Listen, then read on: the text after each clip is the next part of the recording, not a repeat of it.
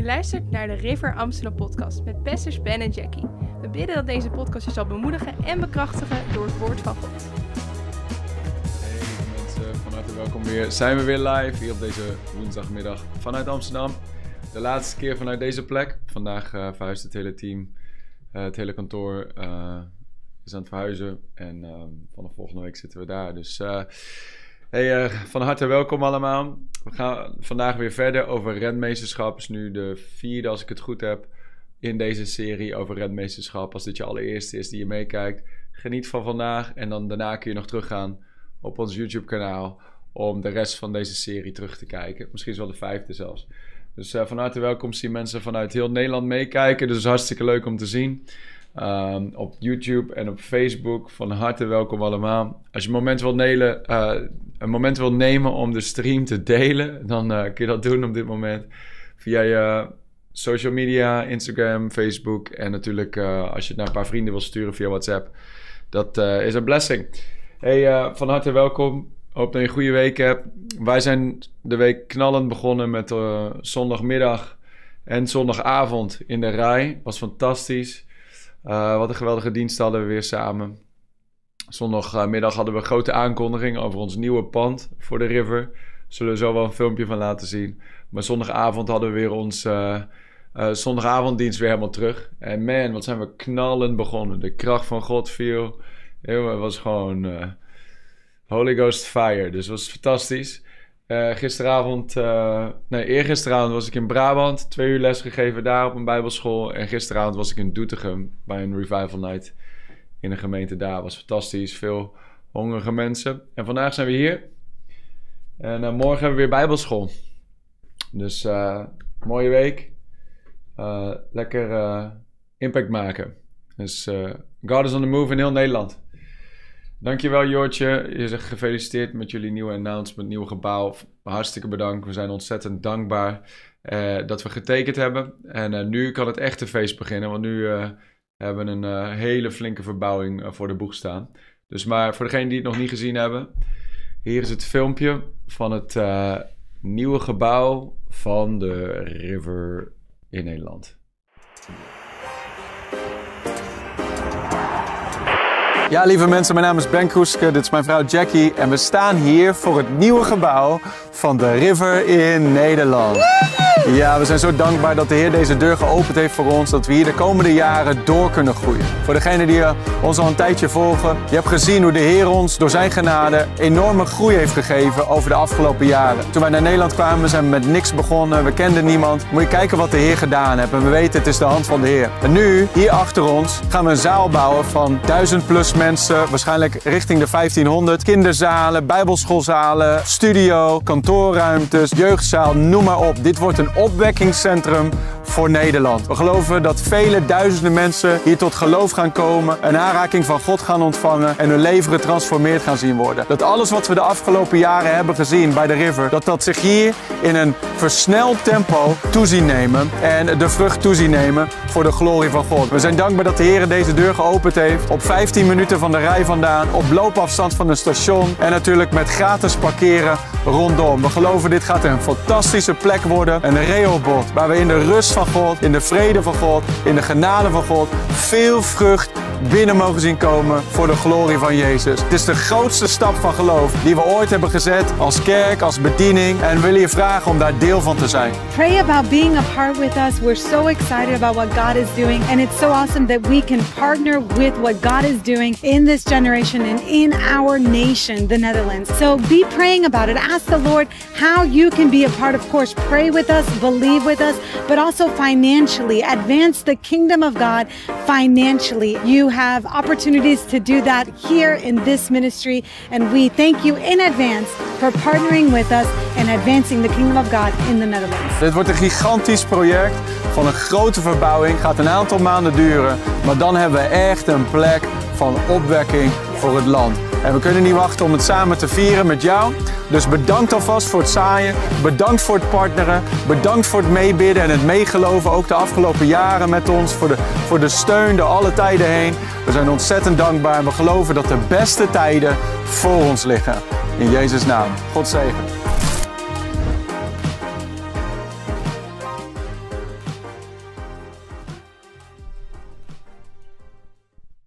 Yes, dus uh, dat is hem. En wij, het heeft uh, even geduurd, maar wat, wat heerlijk om een plek te hebben waar we naartoe kunnen werken. Zoals ik al zei in het filmpje, gaat het wel maanden duren om hem klaar te krijgen, maar om hem helemaal klaar te krijgen. maar dan gaat dat gaat echt de moeite waard zijn. Ehm, een flinke investering. dan gaat, gaat wel richting een miljoen. maar er heel veel daarvan is aankopen die voor uh, de lange termijn bij ons blijven. Denk dan aan licht, geluid, schermen, stoelen, al dat soort dingen. Nou, als je de eerste keer dat we stoelen moesten kopen, kochten we iets van 100 stoelen of zo. Nou ja, 100, nou ja, 40, 50 euro per stoel. Dat is 5000 euro. Maar als je het nu hebt over 1000 stoelen, nou, reken maar uit, dat gaat heel hard. Dus uh, zo tikt dat enorm aan met het budget. Maar um, we weten dat. Uh, de, de hand van de Heer met ons is, dat de zegen van God op ons rust. En als je mee wil doen en mee wil zaaien, je hebt nog niks gedaan om uh, daar partner van te zijn. Dus dat is een hele goede investering om in te zaaien. En uh, dan weet je onze nieuwe website. Want we hebben ook een gloednieuwe website, riverchurch.nl. En uh, daar staan allemaal manieren om te geven. Dus daar kun je naartoe. Dan kun je ook gelijk de, de nieuwe website even checken riverchurch.nl. En dan uh, ben je dus echt uh, partner in iets dat, uh, waar duizenden levens getransformeerd gaan worden. Dat kan ik je met garantie zeggen. Dit is goede grond. Dus geen investering waar je spijt van krijgt. Maar vandaag, dat is even los hiervan, maar we gaan het wel hebben over financieel rentmeesterschap. En ik geloof een ontzettend belangrijk onderwerp. Sorry. Even iets uit mijn keel halen. Pardon, excuses. Alles gaat goed hier. Um, we gaan het over financieel rentmeesterschap hebben. We hebben het al gehad over rentmeesterschap over je tijd vorige week. De week daarvoor rentmeesterschap over je lichaam. En vandaag rentmeesterschap over je financiën. Um, en dit zijn dingen waarop een dag we rekenschap van af uh, moeten leggen aan de Heer Jezus. Wat heb je gedaan met je tijd? Wat heb je gedaan met je lichaam dat je hier op aarde had? Weet je wel, de, de tempel van de Heilige Geest. Wat heb je ermee gedaan? In, wat heb je gedaan in je lichaam, laten we het zo zeggen. En dan nummer drie, wat heb je gedaan met je financiën? Um, is een enorm belangrijk onderwerp dat in veel kerken um, uh, niet genoemd wordt. Uh, omdat het een gevoelig onderwerp is. Jezus zei: Waar je schat is, daar zal je hart zijn. Dus je hart en je geld zitten. Er zit een of andere koppeling aan. Waar je schat is, waar je geld is, daar zal ook je hart zijn. Dus je hart volgt, volgt achter je geld aan. Er zit een of andere koppeling tussen die twee. Dus als je begint te hebben over geld, dan worden mensen nerveus en ongemakkelijk en zeggen: Ja, dat hoor je eigenlijk niet, uh, hoor je het eigenlijk niet over te hebben in de kerk. Maar juist wel, Jezus had het meer over geld dan dat hij het had over hemel en hel. Uh, dus het is een belangrijk onderwerp. En als wij er geen onderwijs over geven vanuit het woord, dan gaat de vijand heersen op dat gebied overheersen. En dan gaan mensen onder de invloed van mammon leven en in armoede leven en tekort leven. Terwijl we geroepen zijn om in de zegen van God te wandelen, zodat we een zegen voor deze wereld kunnen zijn. Weet je, en dat geloof ik voor ieder van ons, ieder van jullie, is dat je zo dik vet gezegend bent. Dat je een zegen kan zijn voor je land en voor je generatie. Nou, dat is dus veel meer dan, oh, ik heb mijn rekeningen betaald. Uh, of ik heb uh, nieuwe schoenen kunnen kopen. Dat is van, nee, ik koop voor uh, vele andere nieuwe schoenen. Ik help vele anderen met hun rekeningen. Ik breng voor vele anderen brood op tafel. En dat is ware voorspoed. Voorspoed gaat niet over uh, hoeveel jij hebt. Voorspoed gaat over hoeveel heb jij om uit te kunnen delen aan anderen. Hoeveel heb jij tot zegen kunnen zijn aan anderen. Dus daar moet je zwaar gezegend voor zijn. Maar dat begint dus bij het principe van renmeesterschap. Je kunt niet in ware voorspoed stappen bijbelse voorspoed stappen, uh, overvloed stappen, zonder deze principes duidelijk voor jezelf op orde te hebben. En vandaag wil ik je echt een hele hoop geven. Eigenlijk uh, geven we hier een heel kwartaal les over in de Bijbelschool bij ons.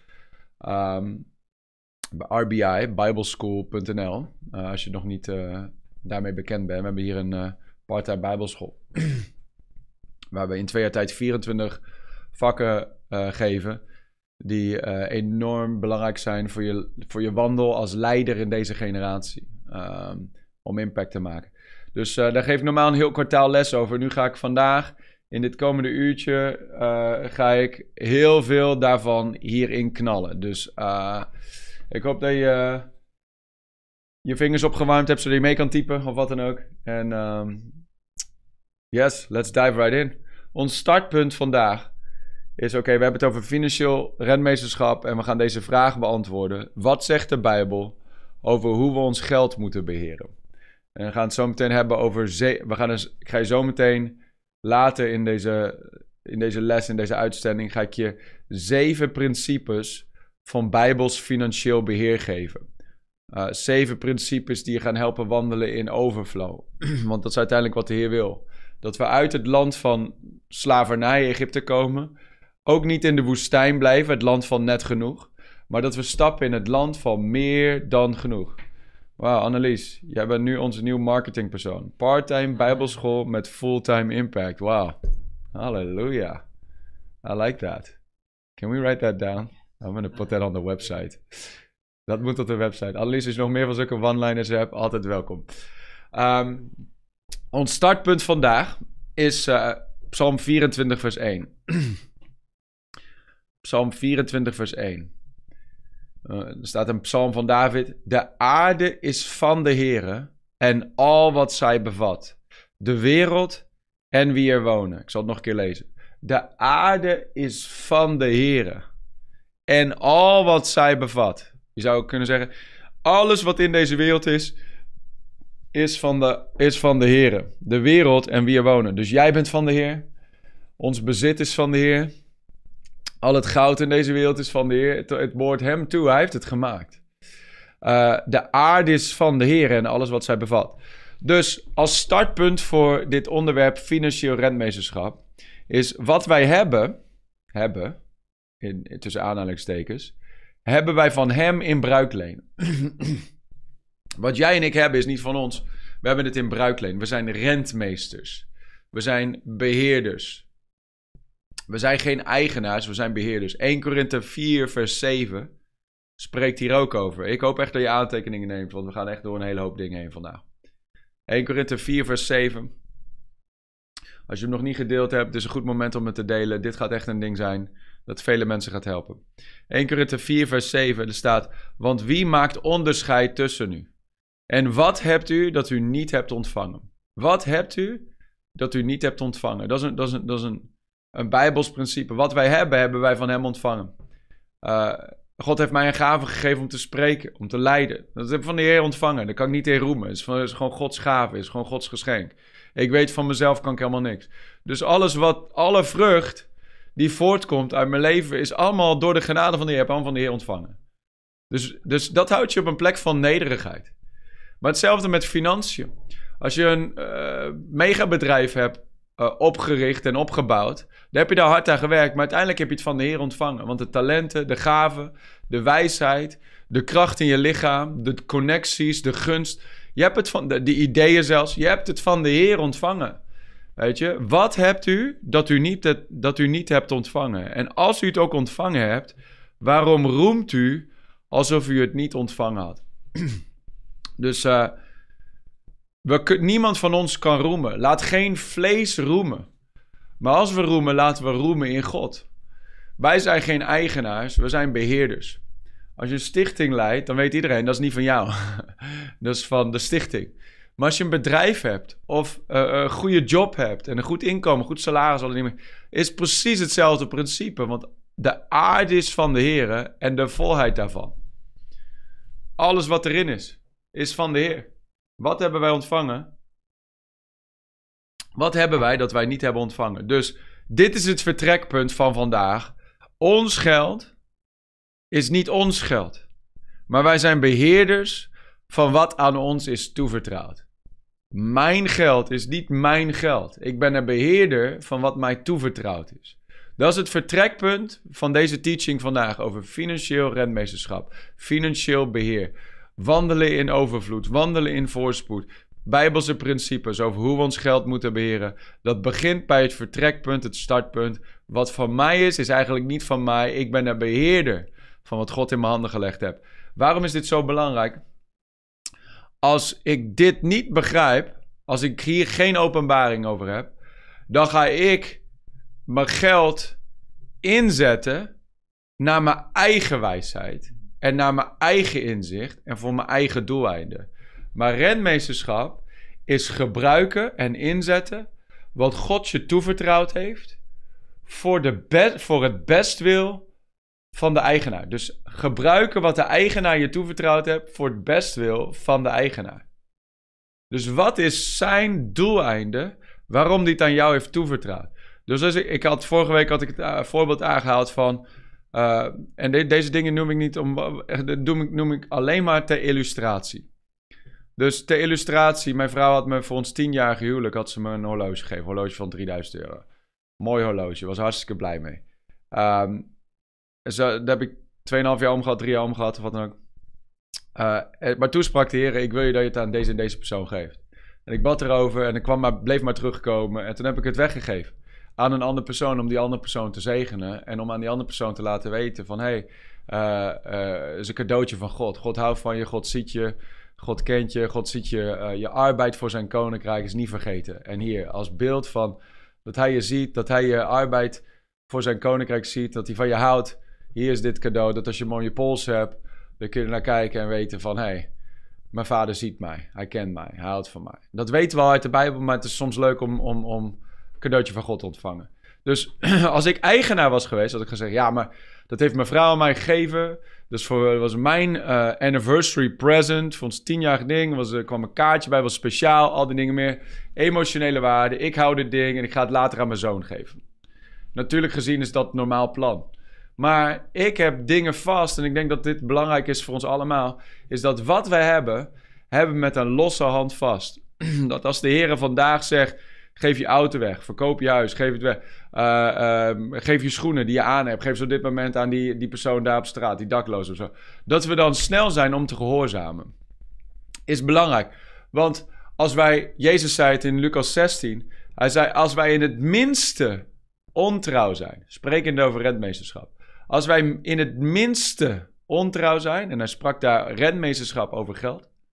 Het minste is geld. Als wij daarin ontrouw zijn, als je op, op het gebied van de onrechtvaardige mammon niet trouw kunt zijn, wie, kan u, wie zal u dan de ware rijkdom toevertrouwen, zei Jezus. Dus geld is een test. Geld is altijd een test.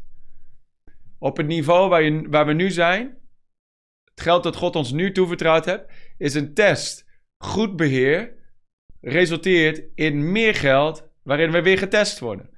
Weet je wel? Als we falen voor de test, wat we, wat we hebben wordt ons afgenomen en wordt aan iemand gegeven die wel goed beheer heeft. Zo werkt de economie van God. Dit is natuurlijk niet socialistisch, maar dit is wel koninkrijk. Daar gaan we zo meteen wel meer over delen. Dus dat is het vertrekpunt. Wat ik in mijn hand heb, heb ik vast met een losse hand. Wetende, het is niet van mij, maar het is mij toevertrouwd door de Heer. Om daar nu een goede beheerder van te zijn voor zijn doeleinden. Voor zijn purposes. Wat wil hij dat ik doe? En we gaan zo meteen een paar dingen delen, zeven dingen delen. Over wat God wil dat we doen met ons geld. En dan gaan we echt even heel praktisch maken. En ik kan je al eh, nu alvast verklappen. De zevende, die laatste, dat laatste puntje, die wil je niet missen. Dus je wil blijven kijken tot die laatste. Ehm, maar eerst, vanuit Matthäus 25, wil ik je eerst vijf basisprincipes geven over Gods economie, Gods eh, principes van financieel beheer. Gewoon over algemene belangrijke principes. Dan gaan we eerst lezen in Matthäus 25 en op basis daarvan gaan we wat eh, principes zoals God ze onderwijst. En die zijn misschien anders dan dat wij ze geleerd hebben in onze maatschappij. Dus belangrijk om op te letten. Matthäus 25, beginnend in vers 13. Vers 14, sorry. De, de gelijkenis van de talenten. Misschien een bekend verhaal, maar let goed op, want je gaat dingen hierin zien die je misschien nog nooit gezien hebt.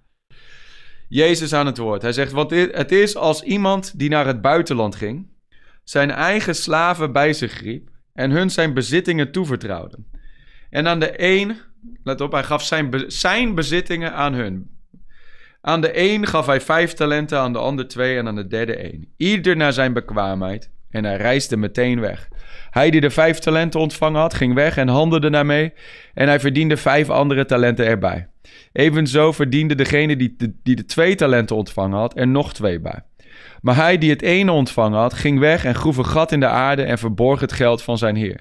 Na lange tijd kwam de heer van die slaven terug en hield afrekening met hem.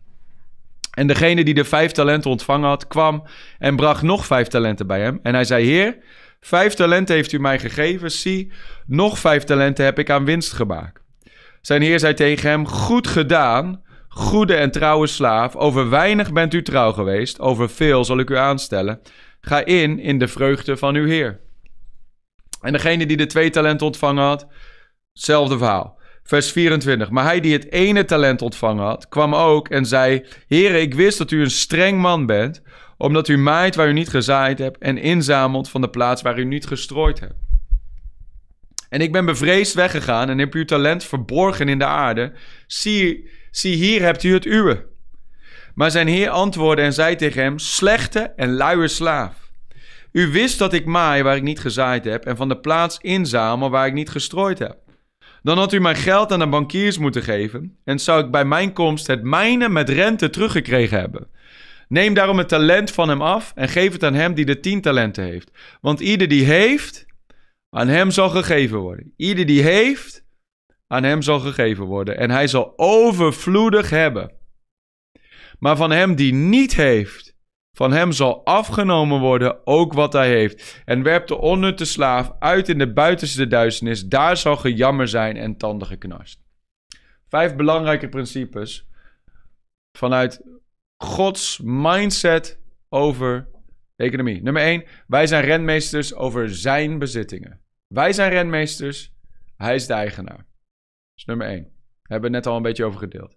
Je zag het hier in dat eerste vers. De, de eigenaar ging naar het buitenland en vertrouwde een aantal van zijn dienstknechten zijn bezittingen toe.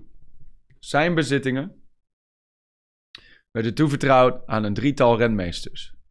Dit is Jezus vertrekt van deze aarde, vertrok van deze aarde, is gezeten aan de rechterhand van God, is daar in zijn koninkrijk, hemels koninkrijk. Op een dag komt hij weer terug en dan moeten wij rekenschap afleggen van ons renmeesterschap.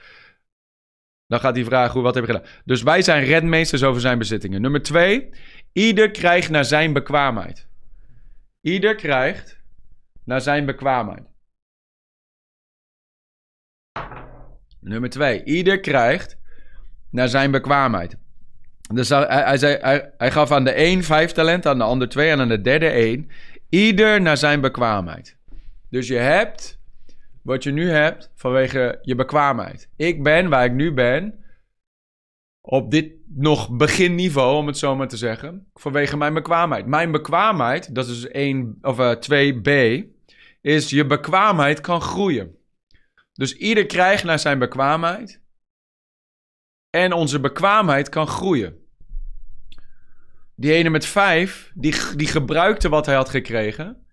En vermenigvuldigde wat hij had gekregen. En daardoor kreeg hij meer. Dus zijn bekwaamheid groeide en daardoor werd hem meer toevertrouwd. Dus je bekwaamheid kan groeien. Daarom zijn we er vandaag onderwijs over aan het geven. Zodat waar je nu bent, over, volgend, over een jaar ben je ergens anders. Amen. Als het goed is gaan we vooruit. Ook op financieel vlak. Niet achterwaarts, enkel voorwaarts. Nummer drie. Je hebt een bevel gekregen om te vermenigvuldigen. Iedere renmeester heeft een bevel gekregen om te vermenigvuldigen. Je hebt een bevel gekregen om te vermenigvuldigen. Hier in deze, in Matthäus staat het er niet zo, maar in Lucas wel, als Jezus dezelfde gelijkenis geeft, maar dan niet met de, met de talenten, maar met de mina's. En dan is tien van zijn dienstknechten kregen ieder één mina. Ieder één geldstuk. En dan zei hij tegen ze, Lucas 19 vers 13. Hij riep zijn tien dienaren, gaf hun tien ponden. Ieder kreeg er één. En hij zei tegen hen, doe daarmee zaken totdat ik terugkom. Dat is een bevel om vruchtbaar te zijn. Dat is een bevel om te vermenigvuldigen. Dat is een bevel om winstgevend te zijn. Wat we daarvoor, om dat te kunnen pakken, moeten we ten eerste pakken. Winst maken is niet vies. Op de een of andere manier hebben de christenen dit niet meegenomen als ze de Bijbel lezen. Joodse mensen, voor hun is het godsvruchtig om bedrijvig te zijn, godsvruchtig om te werken en godsvruchtig om winst te maken. Daarom, van de toprijkste mensen in de wereld is een gigantisch percentage is Joods. Een disproportioneel percentage van de rijkste mensen in deze wereld is van Joodse afkomst. Maar piepklein landje met heel weinig inwoners in vergelijking met de rest van de wereld.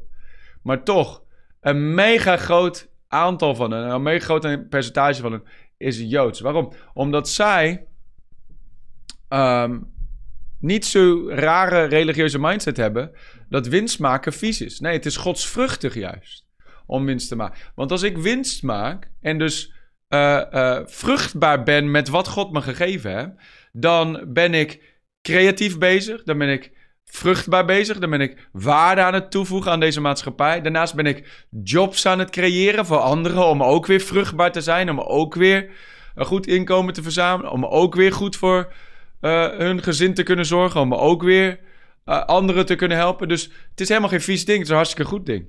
Dus winst maken is niet vies, groei is normaal, toename is verwacht in het koninkrijk en oppotten en stagnatie wordt bestraft.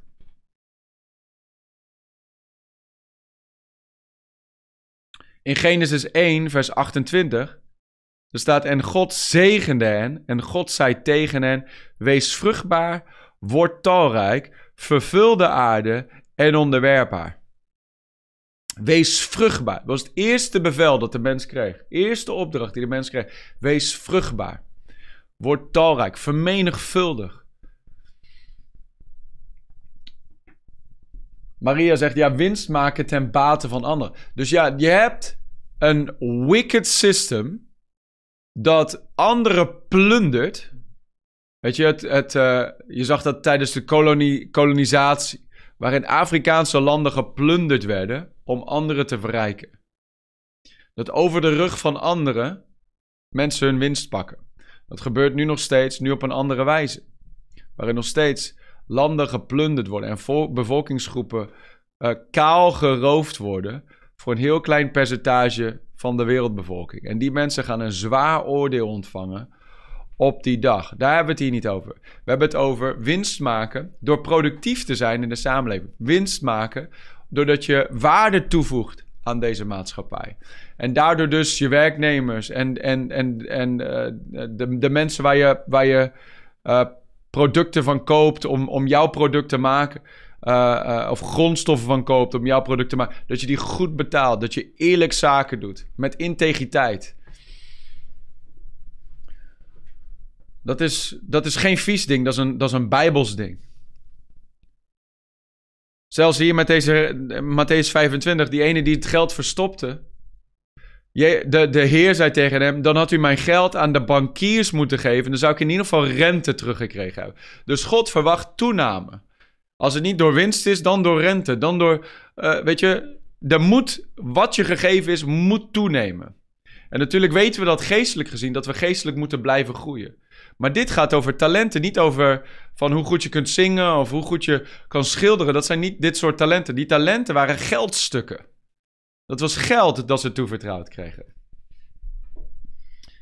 Oké, nummer vier. Ieder van ons is rekenschap van ons rentmeesterschap verschuldigd. Ieder van ons is rekenschap van ons rentmeesterschap verschuldigd.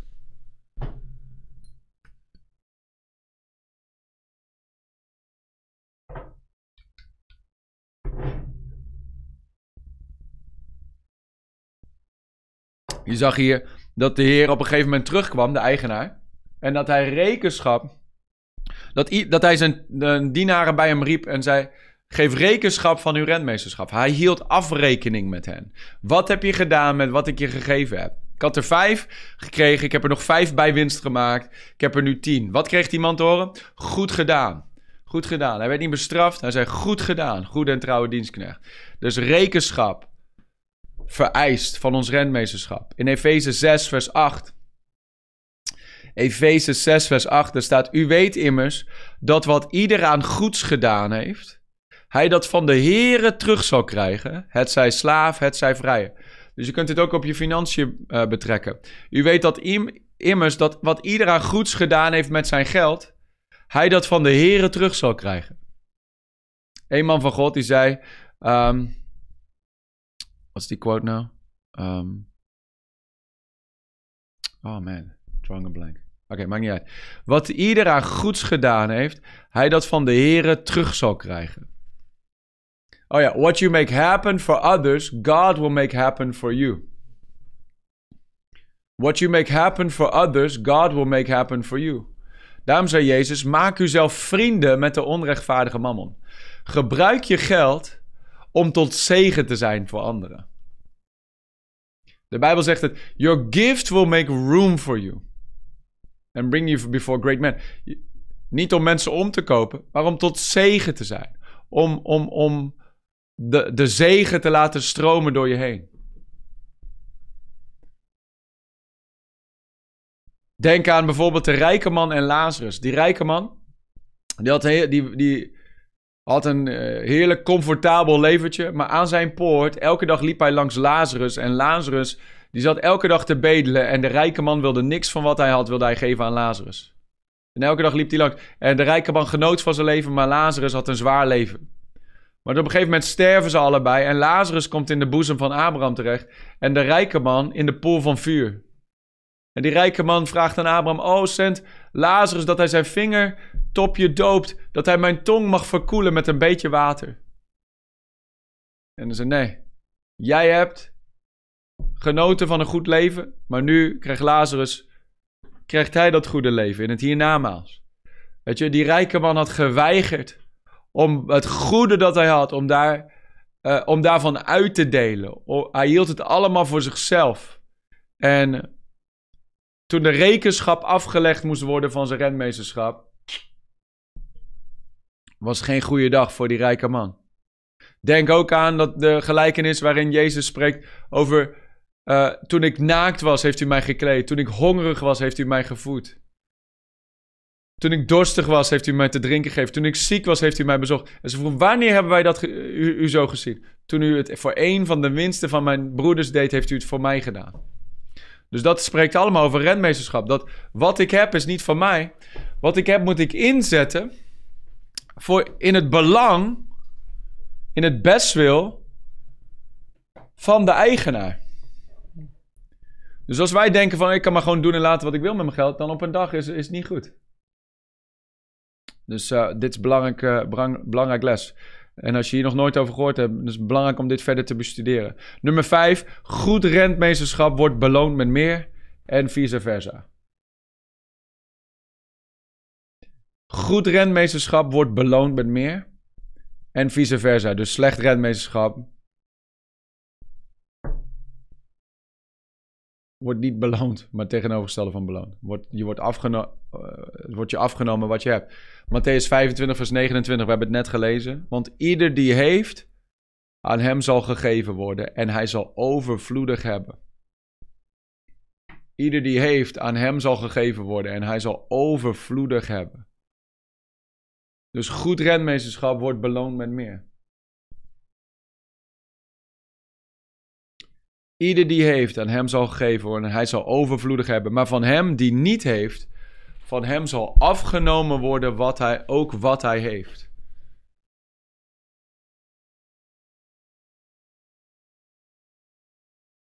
Goed renmeesterschap wordt beloond met meer, om dat goede renmeesterschap over uit te oefenen. Dus als je trouw bent met 10.000 euro, en daar, zometeen ga ik je zeven principes geven. Als je daar in die zeven principes wandelt en dat inbouwt in je leven, dan zal je meer toevertrouwd worden. Dan wordt het 100.000, wordt het een miljoen, wordt het 10 miljoen, 100 miljoen. Weet je, als het goed is, blijft dat doorgroeien als wij gewoon goede renmeesters blijven zijn. Ieder die heeft, aan hem zal gegeven worden. Sommige mensen zeggen, ja, maar ons socialistische denken is van, ja, maar die heeft, dus die moet juist geven aan mensen die niet hebben.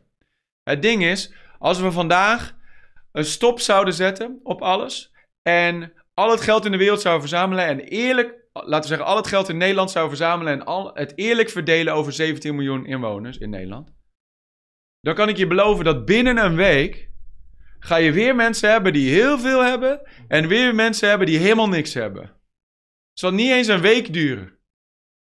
Dus gelijkheid gaat nooit gebeuren, omdat sommige mensen weten hoe ze om moeten gaan met geld en sommige mensen weten niet hoe ze om moeten gaan met geld. Sommige mensen gebruiken geld, investeren geld en laten geld voor hun werken. Anderen die besteden het alleen maar en die, die, die, die, die, die verstrooien het voor hun eigen vlees en hun eigen begeertes. En dan binnen een week ga je weer opnieuw alles moeten verdelen. Zo werkt het niet.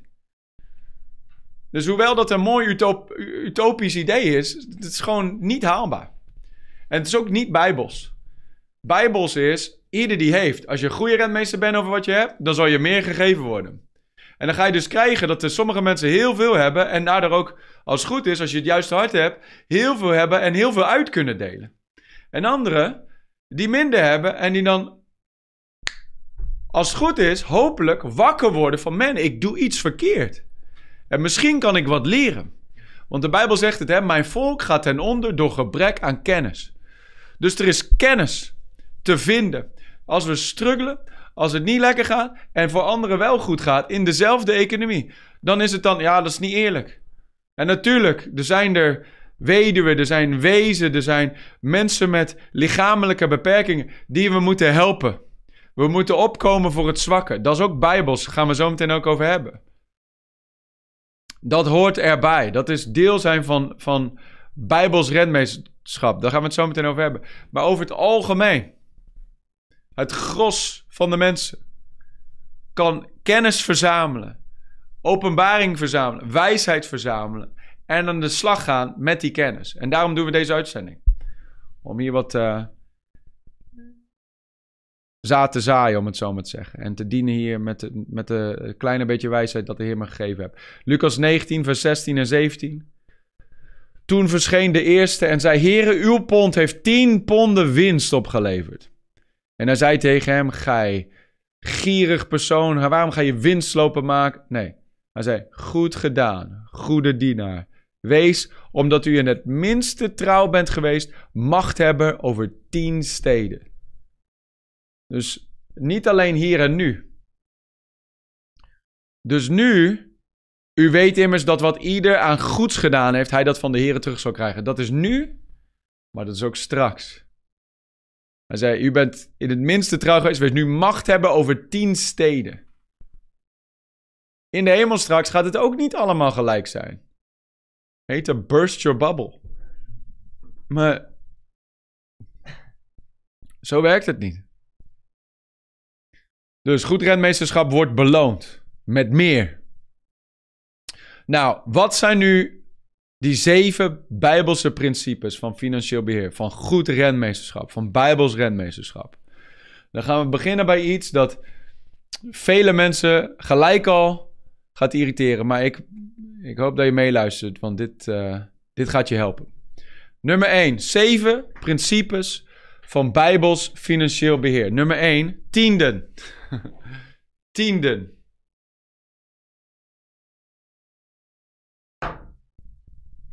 Tienden. Als we daar niet beginnen, dan kunnen we het net zo goed ophouden. Malachi 3 natuurlijk kunnen we lezen, gaan we nu niet doen. Maar Malachi 3, waarom berooft u mij, zegt God. Waarin hebben wij u beroofd, Heer? Van de tiende en van de offers. Breng daarom de gehele tiende in de voorraadkamer.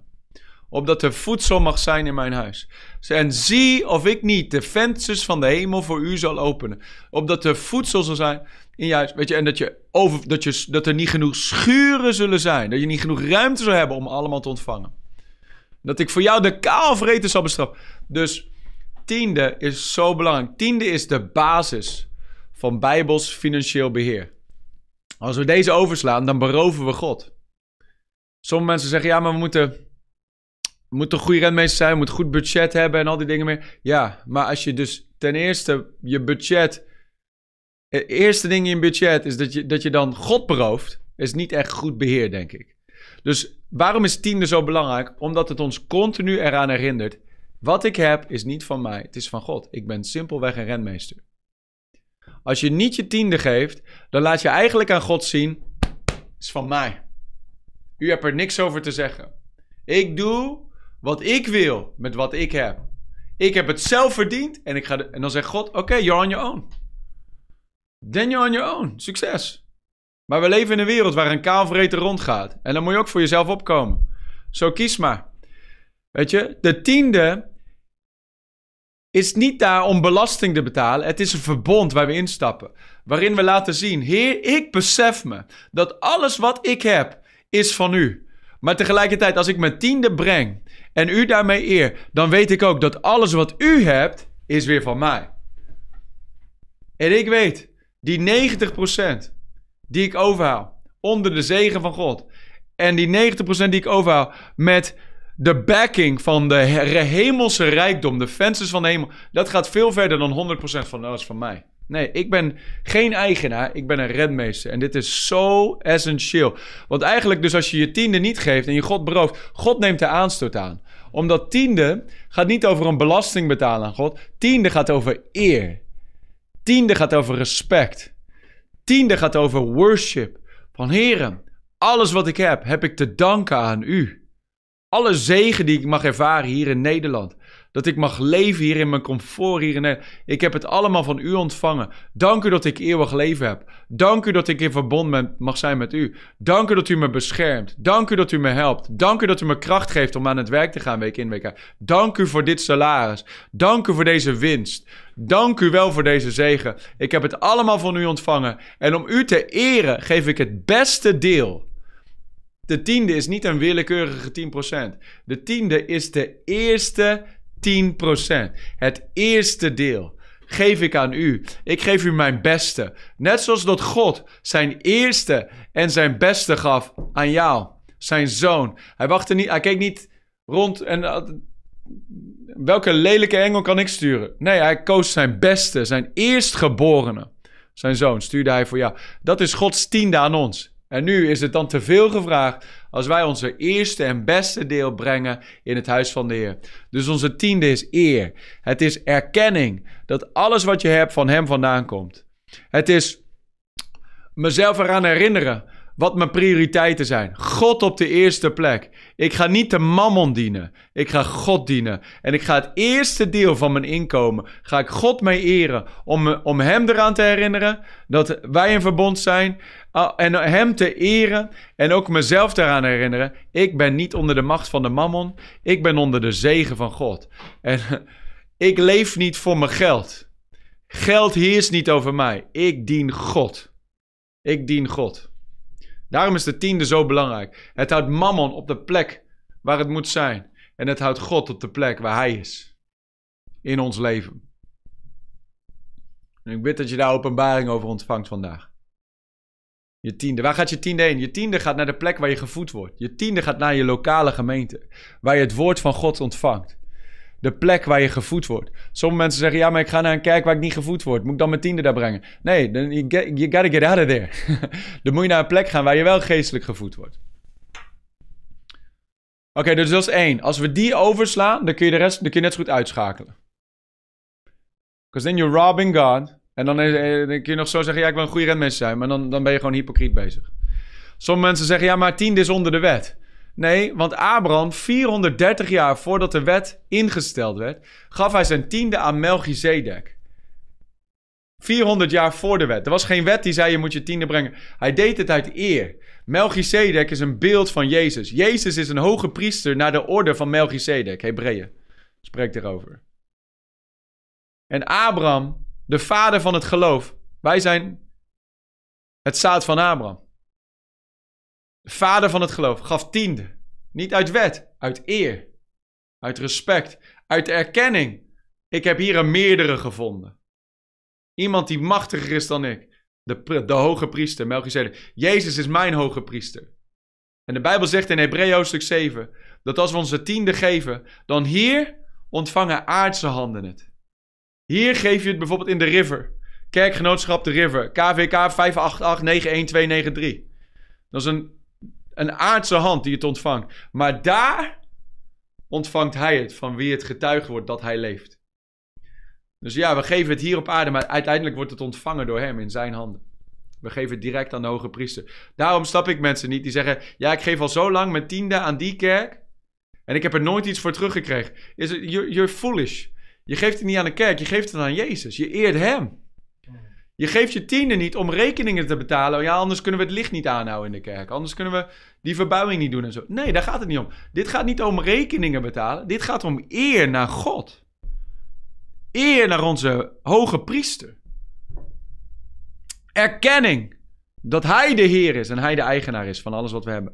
Oké, nummer twee gaat erachteraan en dat is geven. Dus tiende is nog geen geven.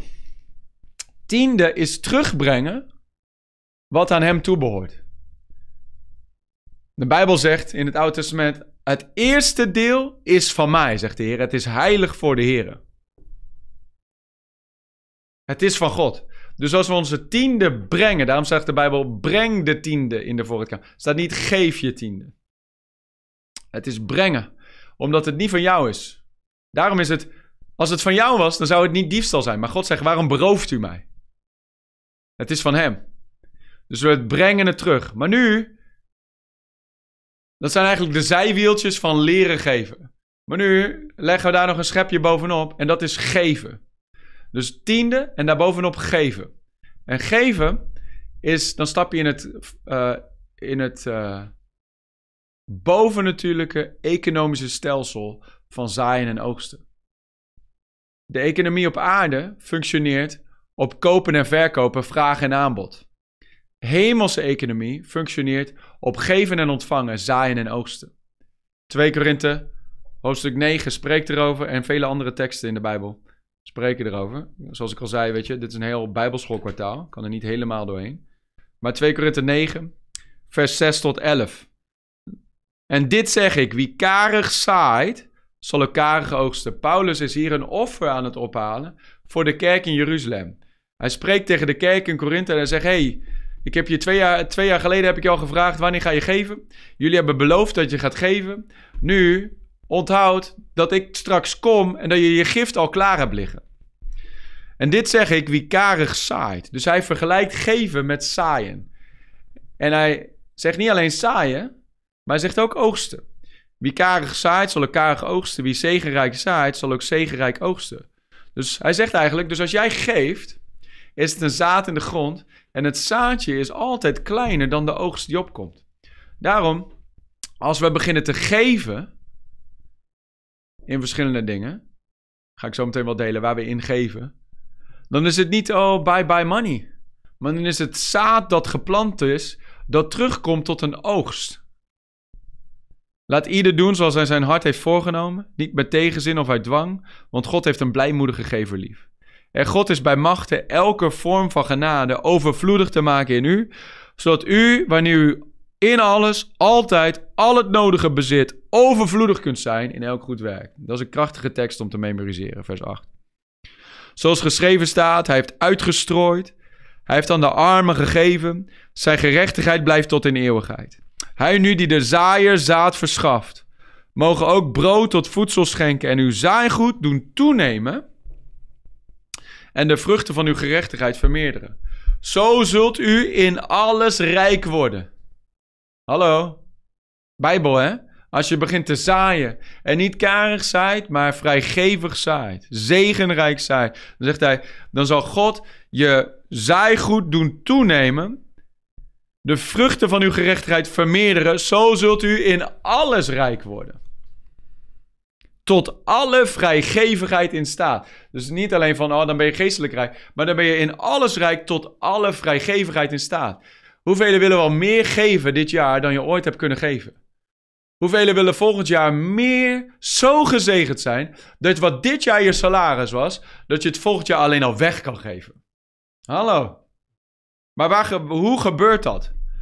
Dat gebeurt alleen als je in het bovennatuurlijke economische stelsel van God stapt. En dat is tiende en daarbovenop zaaien en oogsten. Geven. Zaaien, maar ook oogsten. Velen onderwijzen dit in enkel zaaien. Veel kerken, geef, geef, geef, geef, geef, geef, geef. Maar als we niet mensen onderwijzen om ook te oogsten, om een zaad te planten in geloof, wetende dat het opkomt tot een zegenrijke oogst, zodat we meer gezegend zijn, zodat we meer vrijgevigheid in staat zijn. Dan beroven we mensen van een krachtig Bijbels principe. Dus daarom geef ik er onderwijs over. Zodat je leert je geloof te koppelen aan je zaaien, zodat je kunt oogsten, zodat je volgend jaar meer kan geven. En het jaar daarna weer meer, zodat je enkel opgaat en nooit omlaag. Amen. Je kunt leven van je zaad. Live by your giving.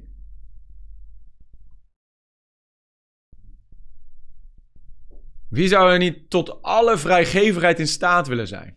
hey, we hebben nu een bouwproject, een miljoen euro verbouwing die we nu gaan doen.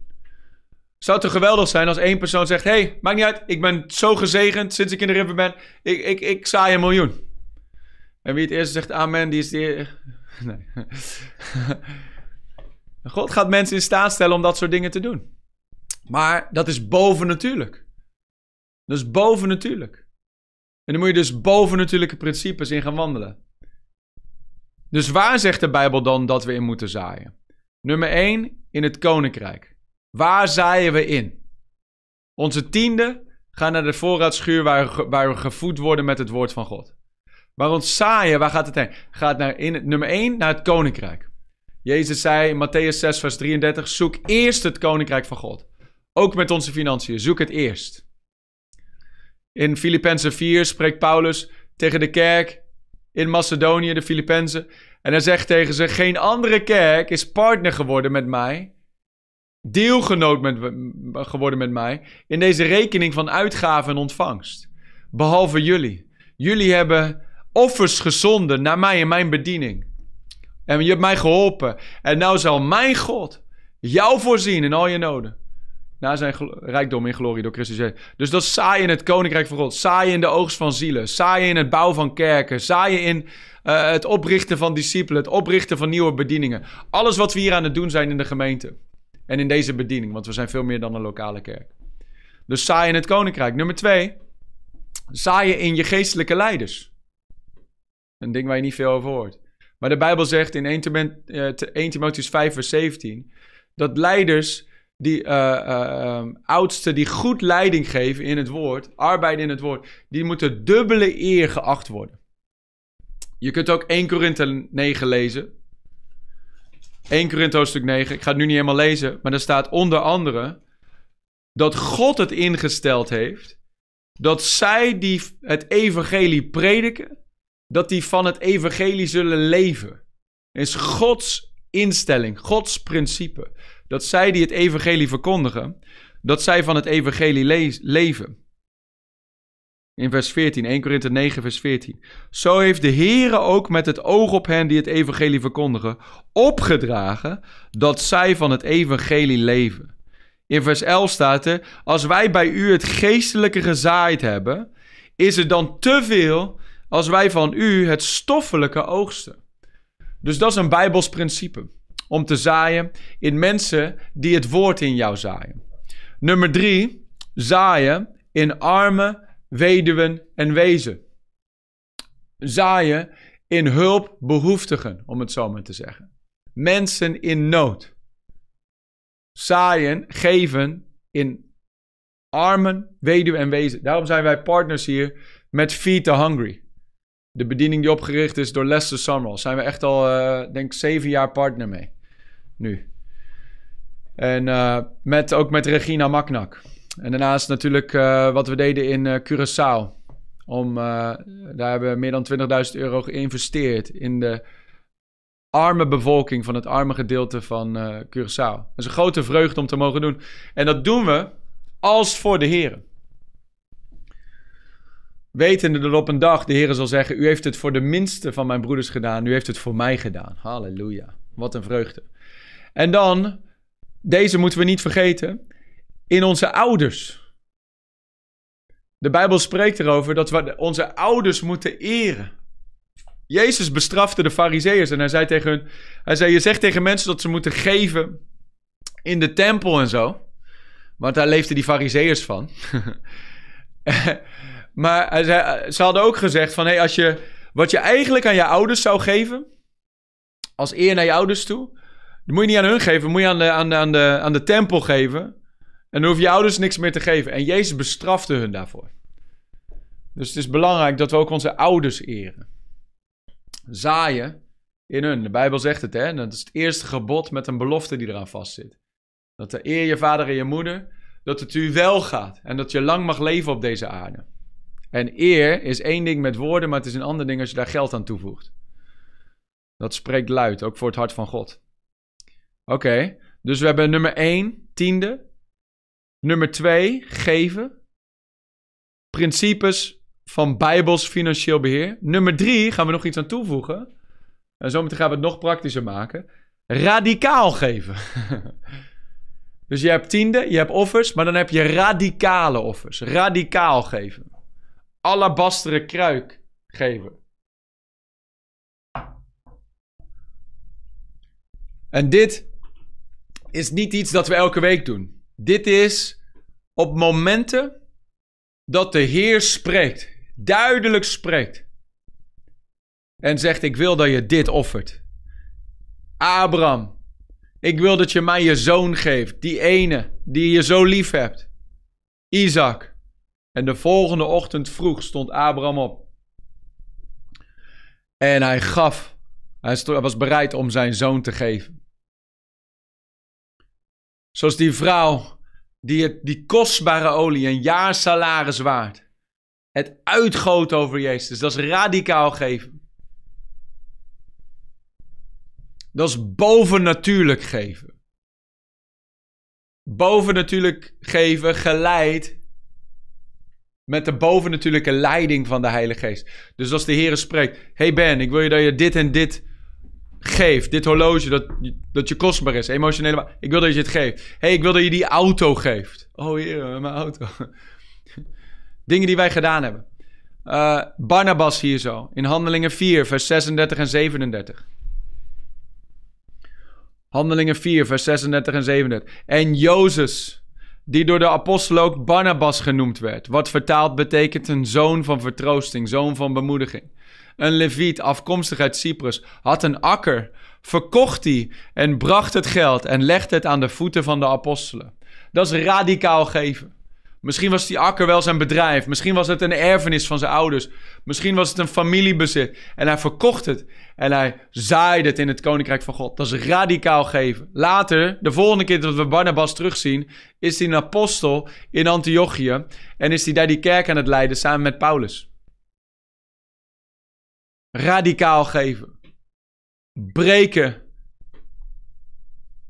van alle albasteren kruiken.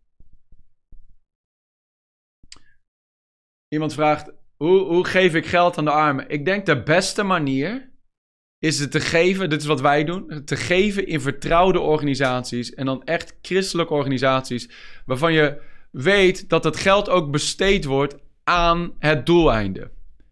Toen ze in Haiti daar die grote storm hadden en het hele Haiti, eh, dat hele eiland weggevaagd werd, helemaal langs de kustlijn. Toen je daar de Bill Clinton Foundation, de Clinton Foundation, die allemaal geld begon in te zamelen voor Haiti. Niet omdat zij geven.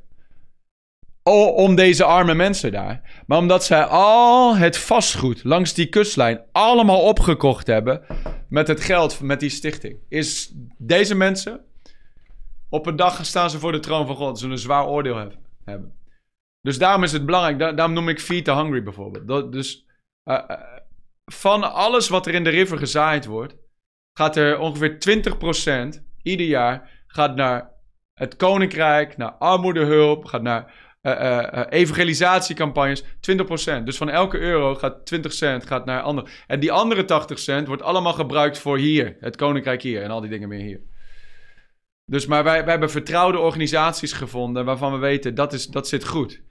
Daar wordt het grootste deel van elke euro die we zaaien erin wordt gebruikt. Volgens mij van, el, van Feed Hungry, elke euro 92 cent wordt geïnvesteerd in echt het eten brengen bij de wezen, en weduwe. En dus maar 8 cent nodig voor elke euro voor overheadkosten. Hele goede organisatie. Dus radicaal geven. En dit is echt op, op momenten toen de Heer bijvoorbeeld sprak uh, aan mijn vrouw en mij. Van, uh, ik wil dat jullie Amerika verlaten, je job opzeggen, alles weggeven en naar Nederland komen. Oké, heer, boem, we gaan. Dat is alabastere, albastere kruik geven. Door de geest geleid. En ik weet zeker dat er velen zijn dat de heren heeft gesproken over dingen. Maar, want, eh, maar het is heel makkelijk om jezelf daaruit weg te redeneren. Maar daarom is het zo belangrijk. Dit, de geld is een test. Dat we de Heer laten spreken tot ons hart. En dat we snel zijn om te gehoorzamen. Zoals Abraham. Ik wil dat je je zoon geeft. De volgende ochtend vroeg stond hij op. Om te gehoorzamen. Oké. nu gaan we het wat meer. Ja. Nummer vier. Het is allemaal praktisch. Maar dit is ook gewoon. eh ander soort praktisch. Nummer vier. Sparen. Sparen.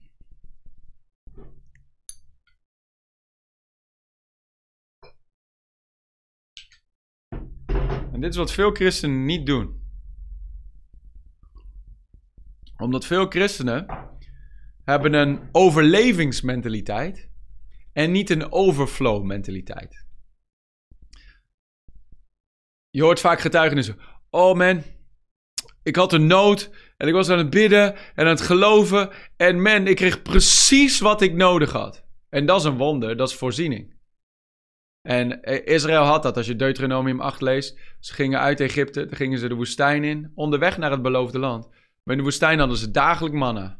Elke dag precies genoeg, water uit de rots, elke dag een wonder. Maar het was nooit Gods plan dat ze daar zouden blijven. Het was Gods plan dat ze zouden komen in het land van meer dan genoeg. Het land vloeiende van melk en honing. Huizen die u niet gebouwd, die u niet gebouwd hebt, gevuld met allerlei goede dingen. Wijngaarden, olijfgaarden, die u niet geplant hebt, die vrucht dragen, waar u van, kunt eten. Een land van overvloed. Dus een overflow mentaliteit. Spreuken 3, vers 9 en 10.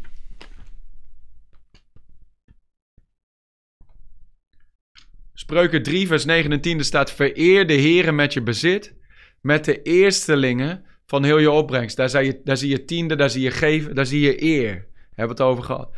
Dan zullen je schuren gevuld worden met overvloed en je perskuipen overlopen van nieuwe wijn. Dat spreekt over meer dan genoeg. Dat spreekt over overflow. Dat spreekt over abundance. Dat spreekt over wat 2 Korinther 9 vers 8 zei. Weet je, eh, altijd in alles al het nodige bezit en een overvloed heb om tot zegen te zijn. Maar dat begint dus als je je inkomen binnenkrijgt. Dan het, eerste is, het eerste deel gaat naar de Heer. Laat zeggen, je, je zou dit kunnen, als je hier nu net bij begint, dan zou je zeggen, kunnen zeggen 10% gaat naar de Heer, 5% geven en dan nog 5% ga ik sparen. En dan ga ik van die 80% leven. Dat, dat, is zometeen punt 5, daar komen we zo meteen bij. Maar als je je niet eerst, de wereld noemt dit eerst jezelf betalen. Als je niet eerst spaart, dan komt het er nooit van. Het is net zoals tiende. Als je niet eerst aan God geeft, niet eerst God eert, dan komt er nooit van. Dan heb je no aan het einde van de maand kijk je altijd van, oh, ik heb niet genoeg genoeg om mijn tiende te geven. Nee, je had wel genoeg, maar je hebt het al uitgegeven aan iets anders. je hebt niet genoeg meer. Maar hetzelfde is met sparen. En natuurlijk, ik weet, ik weet als geen ander, trust me. We hebben jarenlang onder de armoedegrens geleefd. Een aantal jaar onder de armoedegrens geleefd in Nederland. Als je naar ons inkomen op papier keek. Uh, dus ik weet wat het is om echt te leven van wonderen van voorziening en van dag tot dag, om het zo maar te zeggen. Maar ook in die tijd moesten wij gaan leren, ook als kerk, maar ook individueel, van oké, het is elke maand een wonder dat je het redt.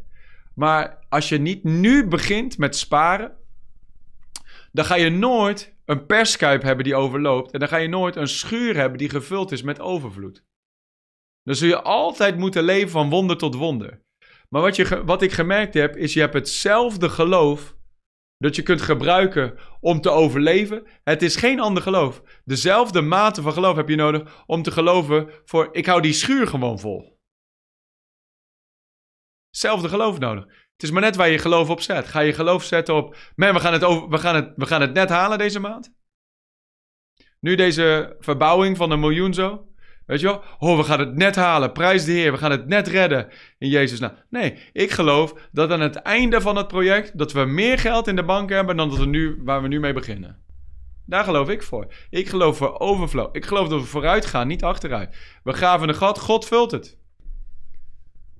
Daar geloof ik voor. Maar dat begint bij, oké, dan, dan, oké, dan leg ik 10 euro apart. Dan leg ik 5 euro apart. Dan, je gewoon beginnen. In geloof. En we hadden het in de gemeente, toen we net begonnen met sparen, jaren geleden. Dat we zeiden van, oké, we moeten schuren. God zegt, ik wil je schuren, ik wil u een overvloed ten goede geven. Dat er niet genoeg schuren zijn. En dan moet je wel eerst een schuur hebben. Je spaarrekening is zo'n schuur. Dus we begonnen in de kerk. Ik zei tegen pastor David toen hij net hier begon. Van hé, hey, we moeten beginnen met sparen. Ik kan niet de hele tijd onder stress leven. Elke keer maand tot maand. Oh man, gaan we het halen of gaan we niet halen? Dus we begonnen met sparen. En dan uh, er was een paar keer zo dat we dan... Oké, wat we gespaard hadden aan het einde van de maand... hadden we weer nodig om de huur te betalen bijvoorbeeld. Of een onverwachte rekening.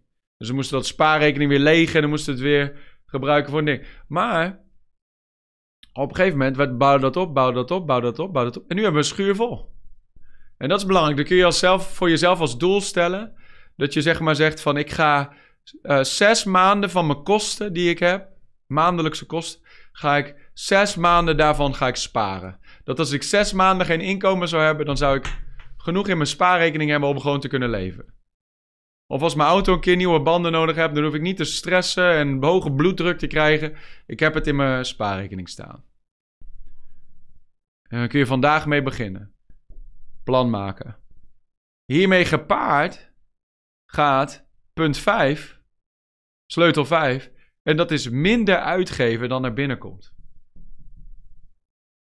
Minder uitgeven dan er binnenkomt. Dit is zo belangrijk. In Spreuken 21, vers 20. Spreuken 21, vers 20.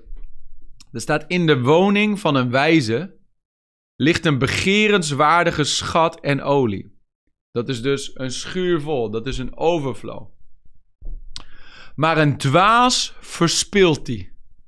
In het Engels, in de New Living Translation, Spreuken 21, vers 20, daar staat: The wise have wealth and luxury. But fools spend whatever they get. Fools spend whatever they get. Dus de Bijbel noemt het dwaasheid om alles uit te geven wat je binnen krijgt. Dus stel je inkomen is 2000 euro per maand, dan is het dwaasheid om je budget te maken van, oh, ik heb 2000 euro om uit te geven. Nee, dat heb je niet.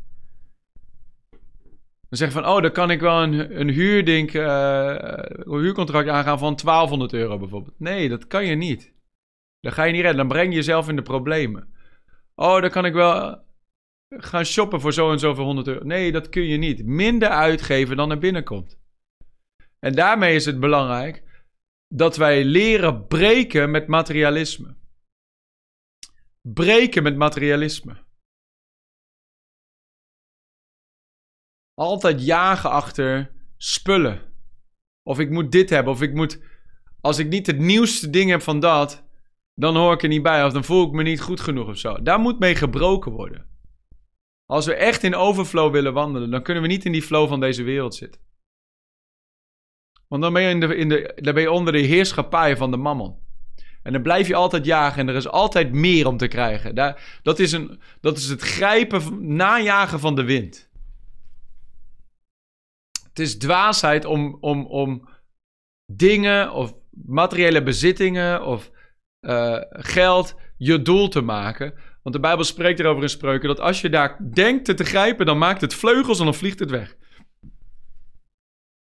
Is dwaasheid. Zometeen punt 7, niet, niet missen, want dat is nog een belangrijk punt dat balans brengt hierin. Want God geeft ons alle dingen rijkelijk om van te genieten. Dus dat komt zo. Maar dan, je kunt er pas van genieten als je breekt met mammon. En als je breekt met materialisme. Ik had het, uh, toen ik net met Jezus begon te wandelen, toen was het van, elke keer dat ik, dat ik gezegend werd, had ik de neiging om iets voor mezelf te gaan kopen. Oh, dan wil ik dit kopen. Oh, ik wilde al dit al zo lang. Maar de Heer was continu aan het spreken over geven en mezelf stretchen in geloof. Om meer te kunnen geven en te zaaien en te zaaien. En daardoor moest ik dus nee zeggen tegen al mijn eigen verlangens. En op een gegeven moment kom je erachter van, die, als ik het koop, dan geeft het maar zo'n klein beetje vervulling. What's that all about? Dus dan ga ik het nou echt mijn doel maken? Of ga ik zoals wat de Bijbel zegt, ik ga het koninkrijk van God zoeken en ik ga God het aan me laten toevoegen. Daar komt saai en oogsten in meespelen.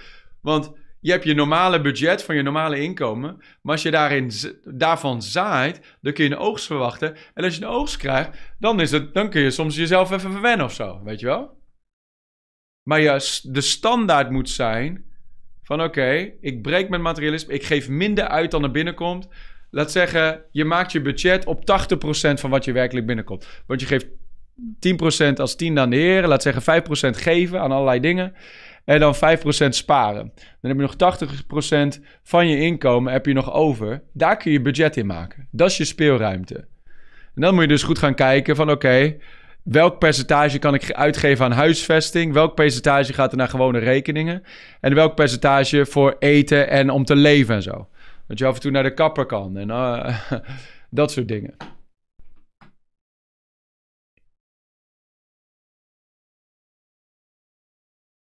Het ding is, mensen kijken naar ons, want wij prediken voorspoed en denken dat is materialisme. Nee, dat is, dat is de opposite van materialisme. Want juist de dingen. Bijbelse voorspoed is niet hoeveel kan ik krijgen. Hoeveel Rolexen kan ik om mijn arm hebben? En ik heb een Rolex, maar daar ben ik zelf niet achter gaan jagen. Dat is aan me gegeven. En er is niks mis mee om er een te kopen als je gezegend bent. Maar je gaat jezelf niet in de schulden krijgen om die dingen te pakken.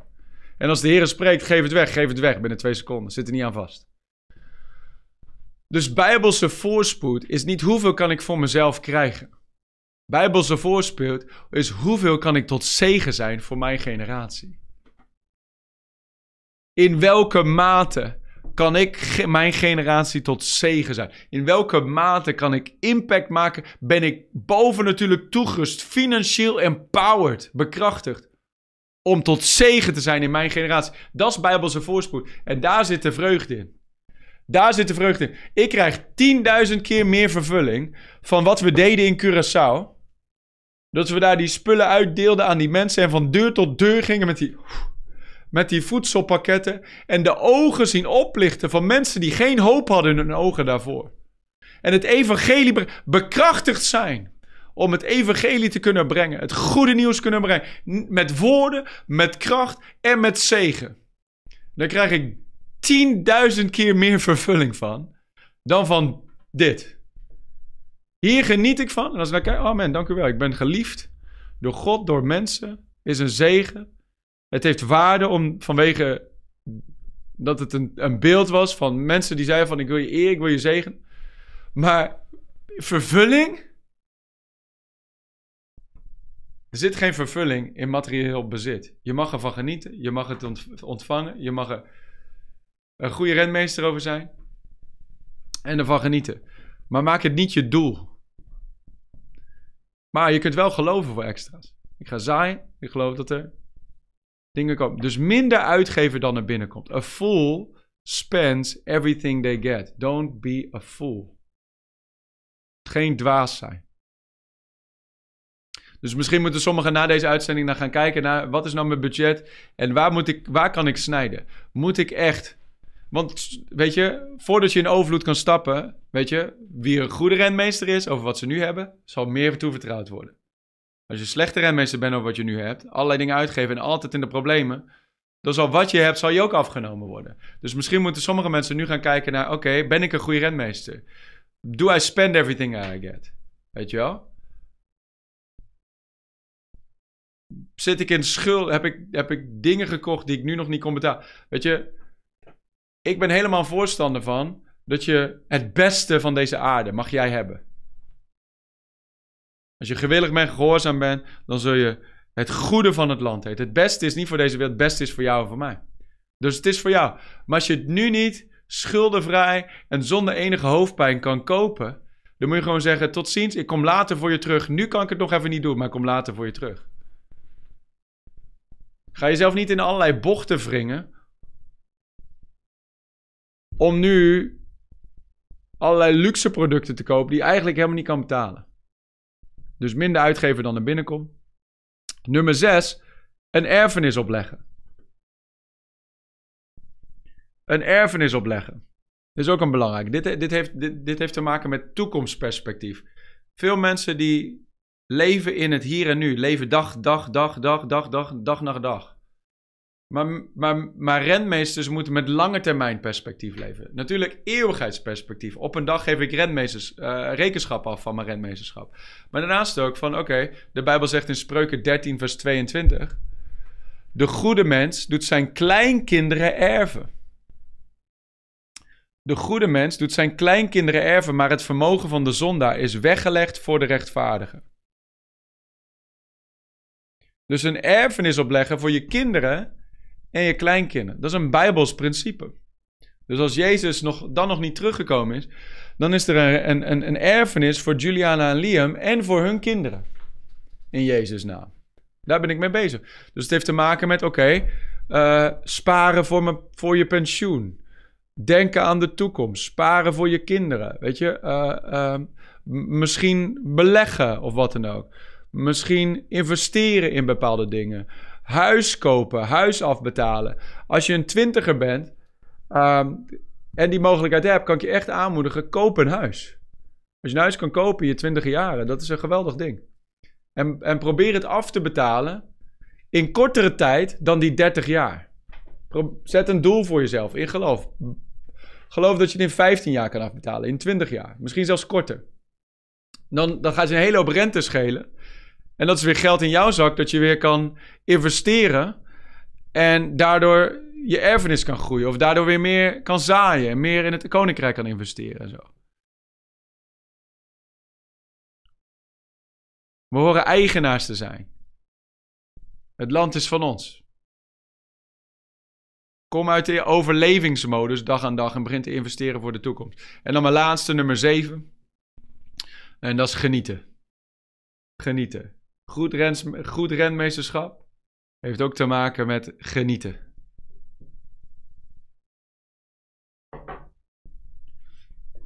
...1 Timotheus 6, vers 17. 1 Timotheus 6, vers 17. Daar staat: Beveel de rijken in deze tegenwoordige wereld dat zij niet hoogmoedig zijn en hun hoop niet gevestigd houden op de onzekerheid van de rijkdom, maar op de levende God.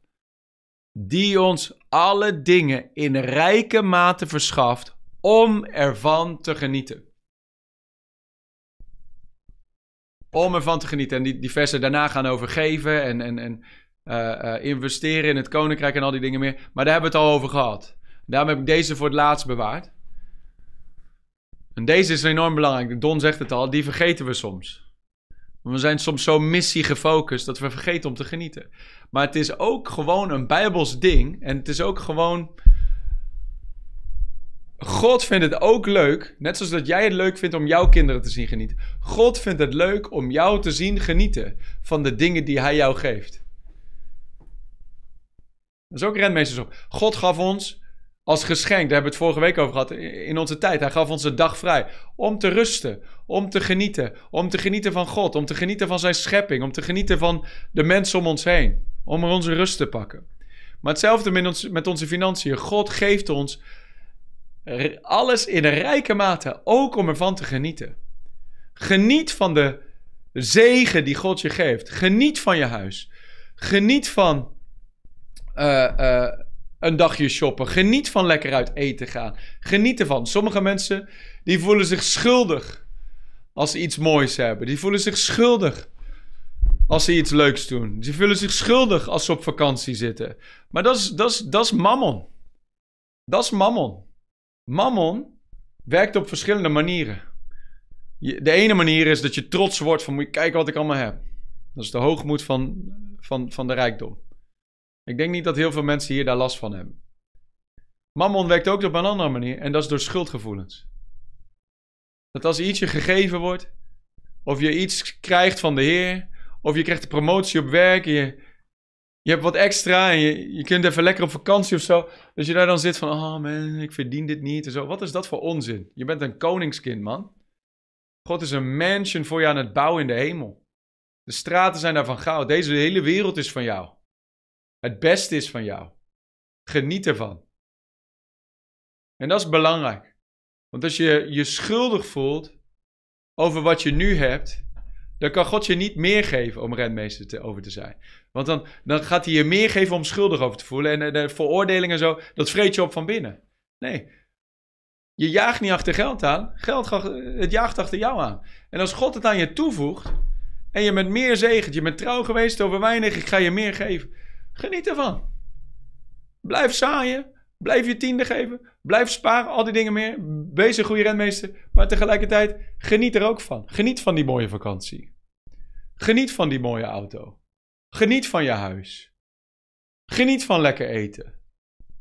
Als je weet, ik ben een gever. Ik heb het niet allemaal voor mezelf opgehouden. I'm not hoarding it voor mezelf. Alleen. Ik ben tot zegen. Dan mag je toch ook gezegend zijn? Er is helemaal niks mis mee. Dus uh, voor sommigen die naar me luisteren hier vandaag, je bent radicale gevers. Je bent trouw in je tiende. Je bent een goede renmeester. Misschien voor de man onder ons. Het is tijd dat je je vrouw een keer uitneemt en haar gewoon, gewoon even iets moois voor haar koopt. Of haar lekker uit eten neemt naar uh, je favoriete restaurant. Of dat je een paar nachtjes in een hotel boekt samen. Gewoon iets leuks doet samen. Of dat je een prachtig mooi cadeau koopt voor, voor, voor haar. Of voor je kids. Of voor jezelf. Er is helemaal niks mis mee. Geniet ervan. Je hebt het soms met mensen zeggen: Oh man, uh, mooie ding heb je daar. Ja, weet je, eh, ik had er met korting gekocht. Of ik had van de Heer gekregen. Weet je wel. Nee, oh, bedankt. Ja, ik ben gezegend, man. God zegent me. God is goed voor me. Ik ben dankbaar. Dat is een betere respons dan allemaal uitleggen over waarom je dit wel mag hebben of niet. Weet je wel? No one cares. Gewoon genieten en dankbaar zijn voor de zegen die God je geeft. Amen. Ja, zo is het, Sherine. Uh, schuldig voelen is ook van de mammon. Want mammon zal je altijd uh, een slaaf houden. En als je je schuldig voelt, zit je ook onder de plak. Als je trots bent, zit je ook onder de plak. Sommige mensen jagen altijd naar meer en zitten dus in die red race. Anderen zitten altijd in de red race van maar overleven, overleven, overleven. Hetzelfde mammon. Dus of in de rijkdom of in de armoede, het is allebei mammon. Want je bent in allebei de manieren ben je slaaf van geld. En God wil niet dat we slaven zijn van ook maar iets. God wil dat we vrij zijn om Hem te dienen. Dus als je je schuldig voelt over iets dat God je geeft. De aarde is van Hem en de volheid ervan. En Jezus zei: zoek eerst het koninkrijk van God, dan zullen alle andere dingen je gegeven worden. Dus als God je het geeft, als God je een goed salaris geeft, als God je zegent met bepaalde dingen. Weet je, en dat betekent niet dat iemand naar je toe komt en zegt: ik wil je hiermee zegenen van God. Dat kan ook via je werk komen, dat kan via je bedrijf komen, dat kan via uh, um, een erfenis van je ouders komen. Dat kan via uh, een promotie op werk komen, een bonus of wat dan ook. Dan, dan, kun je dat zien als zegen van God. Want de aarde is van hem en de volheid daarvan. Dat is de gunst van God. Dan kun je zeggen, halleluja, dit is de gunst van God. Ga ik me niet schuldig over voelen? Amahula. Ik ga ervan genieten. Ik ga de duivel dat plezier niet gunnen.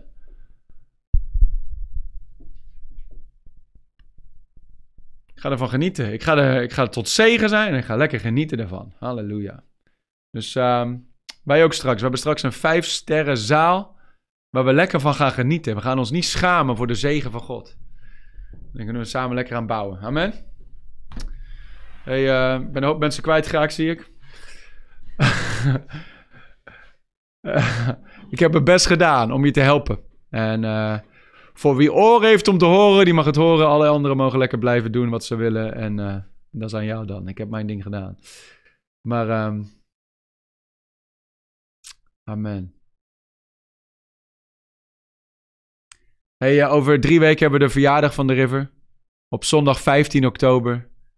Half één. Als je deel bent van de River, dan moet je sowieso komen natuurlijk. Maar al die anderen, je draagt de River een warm hart toe. We nodigen van harte uit. Kom het vieren. Het is onze tienjarige verjaardag. Het zou echt een grote vreugde zijn om dat te, samen met jou te vieren. We hebben de grote hal, uh, de grote zaal en de rij gehuurd om te vieren. We hebben eten na de dienst. We gaan er een spektakel van maken. En uh, ik ga de visie delen die God me gegeven heeft voor de komende vijf jaar. Dus uh, het zou een grote vreugde zijn om daar met heel veel mensen uit heel Nederland te vieren wat God allemaal aan het doen is. In en door de river heen. Uh, tien jaar. Tien jaar van de genade van God. En we zijn zo dankbaar voor wat Hij allemaal doet. We ook een geweldig moment om Hem alle eer en alle glorie te geven en Hem te prijzen. Voor alles wat Hij doet in ieder van onze levens. Dus uh, Yes. Kom erbij. En uh, half 1, 15 oktober, op onze gloednieuwe website riverchurch.nl.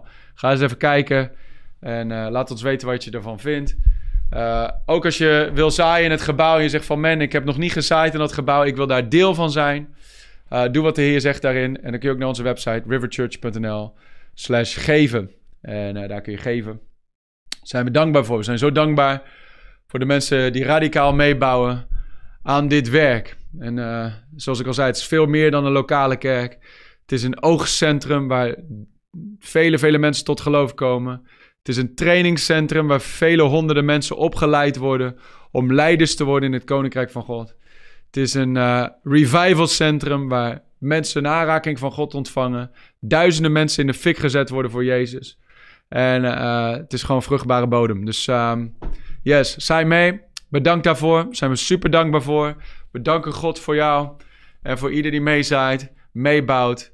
En uh, samen kunnen we iets, uh, samen met Jezus en samen met elkaar kunnen we iets moois doen dat impact maakt op deze generatie. Dus uh, bless you all.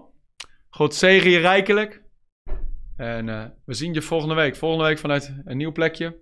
De nieuwe studio gaat dan nog niet helemaal klaar zijn, maar daar gaan we aan werken op de nieuwe locatie. En we zien je snel, man. Bless you. Tot snel. Bedankt voor het luisteren naar deze podcast. Als je ervan genoten hebt, deel deze boodschap dan via social media en tag ons at River Amsterdam. Wil je niks missen van onze nieuwe podcast? Zorg dan dat je abonneert op ons kanaal. En laat het weten hoe deze boodschap jou heeft bemoedigd. We zien je de volgende keer bij de River Amsterdam podcast.